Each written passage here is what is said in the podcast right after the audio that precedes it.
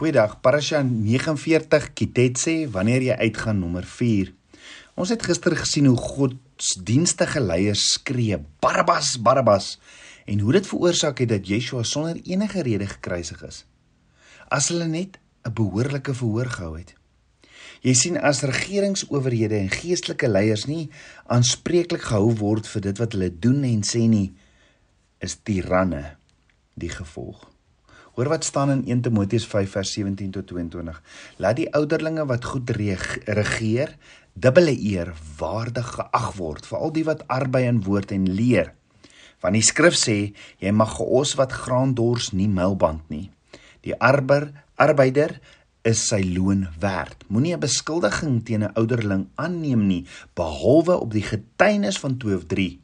Bestraf die wat sondig in die teenwoordigheid van almal sodat ons ook ander kan vrees en besweer jou voor God en die Here Jesus Christus uit die uitverkore engele dat jy hierdie dinge sonder veroordeel in ag neem en niks uit partydigheid doen nie. Moenie haastig iemand die hande oplê nie en moet ook nie met die sonde van ander gemeenskap hê nie.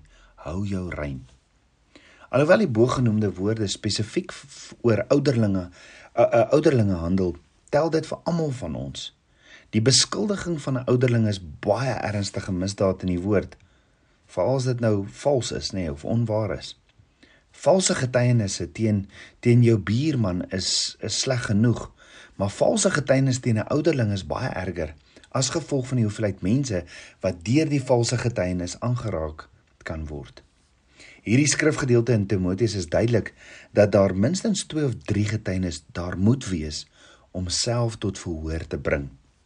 Hier word verstaan dat dit nie net deur die getuies is nie, maar dat daar 'n behoorlike verhoor wat ten minste twee getuienis bevat, elke saak vasstel. Dit is ook duidelik uit hierdie skrif dat ons wanneer ons beskuldigings aanhoor, nooit met veroordeling of partydigheid moet optree nie en ons ook nooit moet oordeel nie. Die sonde van voortydige oordeel is in die oë van Abba Vader gelykstaande aan die beskuldigingssonde self.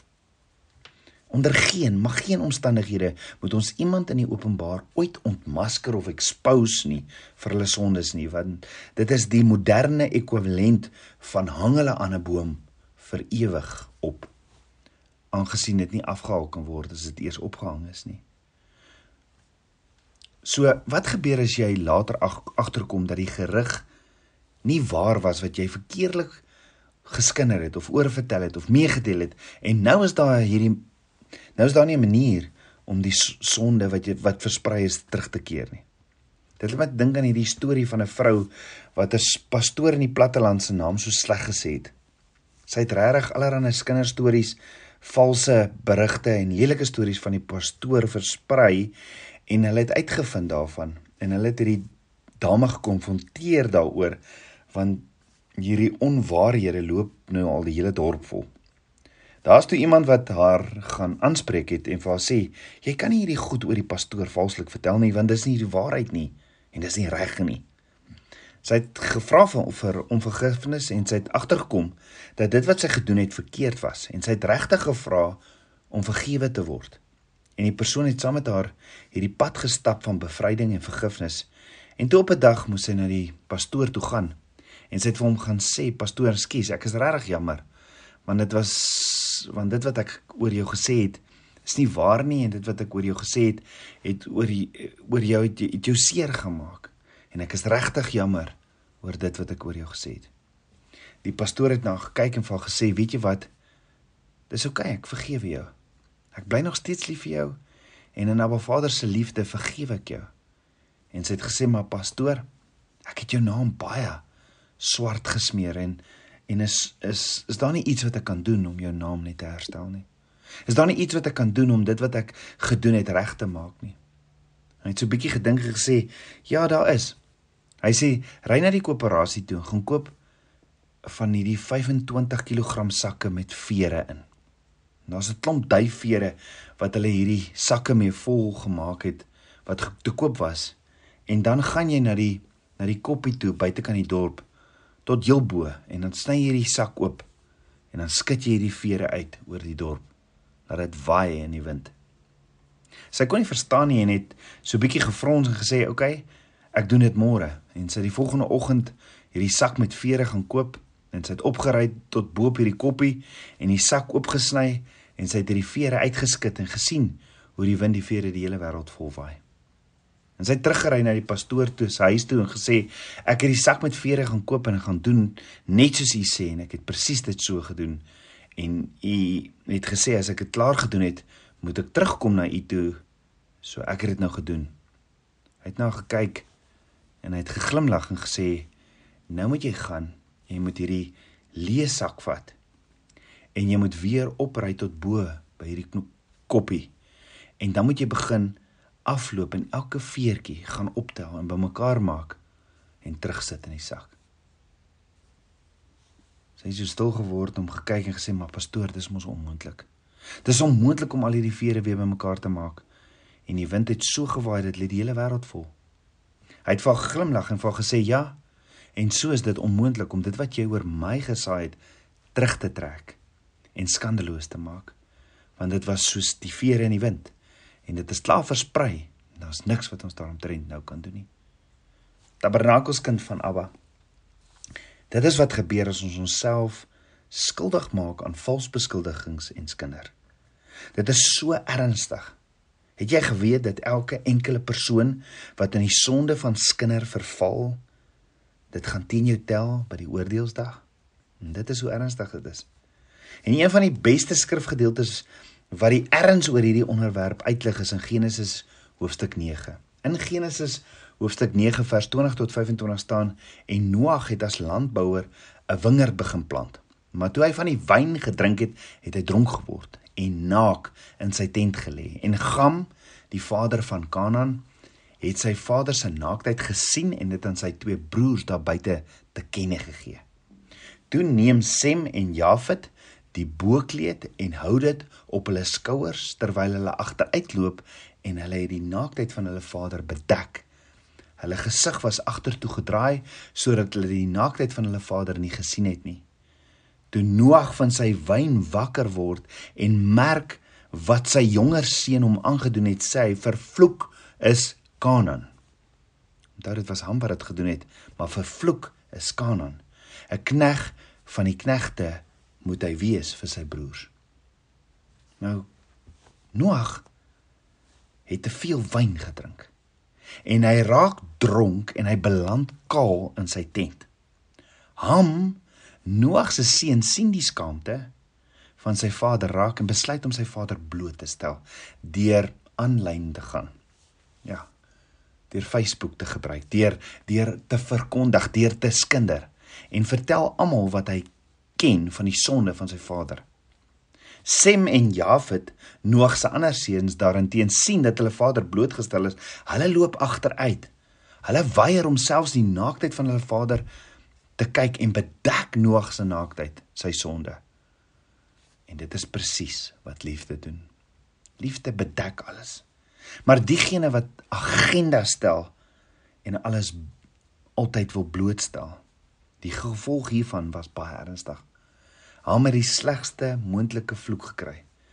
Sy nageslag was vervloek. Wat vir my opvallend is van hierdie verhaal is dat alhoewel Noag eintlik die een is wat gesondig het, die een wat verkeerd opgetree het, die een is wat sy seun, is hy die een wat sy seun vervloek. Want Ham was die een wat sy pa se naaktheid of sondes blootgestel het. So as gevolg van dit wat Ham doen, is sy nageslag Kanaan vervloek. Hoor jy dit tabernakelskind van Abba? My en jou skinder het heavy, heavy nagevolge. Ons nageslag dra die gevolge. En dit is hoe ernstig dit is en hoe ernstig openbare vernedering vir Abba Vader is en om 'n ander se sondes te ontbloot. Jesaja 59 vers 1 tot 2 sê: "Kyk, die hand van Jahweh is nie te kort om te help en sy oor is nie te swaar om te hoor nie, maar julle ongeregtighede het 'n skeidsmuur geword tussen julle en julle God, en julle sonde het eh, en en julle sonde het sy aangesig vir julle verberg sodat hy nie hoor nie." Met ander woorde, as gevolg van julle sondes, hoor hy nie julle gebede nie.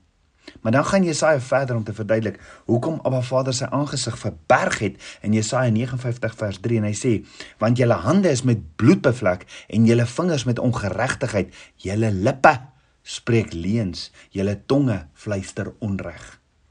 Met ander woorde wat Jesaja sê, daar is niks fout met Abba Vader omdat hy sy aangesig verberg het van julle nie, maar hulle sonde, julle sonde het julle geskei van hom, nie in hulle verhouding met hom nie, maar in hulle nabyheid en intimiteit met Abba Vader. So as hulle wil weet wat die eintlike rede is hoekom Abba Vader sy aangesig vir hulle verberg, hoekom hy sy gebede, hoekom hy hulle gebede nie verhoor nie, is omdat hulle gedoen het wat hulle gedoen het en omdat hulle gesê het wat hulle gesê het. Is dit dalk hoekom Abba Vader sy aangesig vir my en jou verberg? Dalk dit wat uit ons monde uitkom, die kinderstories, die valse getuienis wat ons lewer?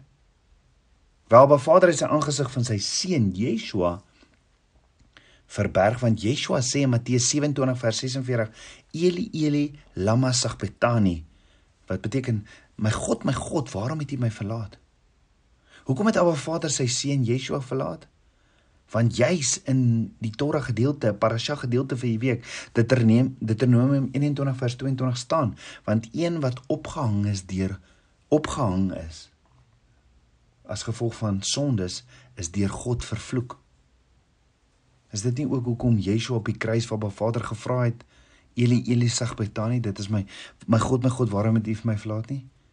Ja, het het, het jy oor dit is Yeshua het betaal vir my en jou sondes. Hy het sondes op ons op hom gevat. So het jy al ooit ook gehoor van die sewe dodelike sondes? In Spreuke 6 vers 16 tot 19 staan: Hierdie 6 dinge haat Jahweh en 7 is vir sy siele gruwel: trotse oë, 'n leenagtige tong en hande wat onskuldige bloed vergiet, 'n hart wat onheilsplanne beraam, voete wat hastig na die kwaad toe loop, een wat as valse getuie leuns uitstrooi en tussen broeders tweedrag saai. So hoekom haat Abba Vader hierdie sondes? Abba Vader haat dit wat sy kinders seermaak. Hy haat wat dit, hy haat dit wat sy kinders seermaak want hy's lief vir my en jou. En drie van die sewe dinge wat Abba Vader haat en gruwel het te doen met my mond.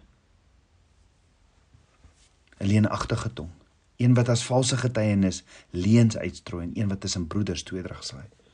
En dan sê Spreuke 12 vers 22: Valse lippe vir Jahweh is 'n gruwel, maar hy het 'n welbehae in die wat getrou handel. Nou die woord gruwel wat in Spreuke 6 en 12 gebruik word is in Engels abomination wat in Hebreëus beteken a distinguished thing. En die roetwoord wat egbreek die roetwoord wat egbreek is ook wat beteken to be at at at at hoort or to be detested.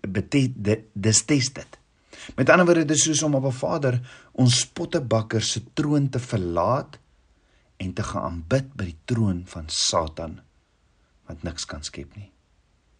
Soos ek en jy skinder verlaat ons die troon van Abba Vader wat die troon is van waarheid en ons gaan na die troon van die vyand wat die troon van leuns is, wat die vader van die leuns is.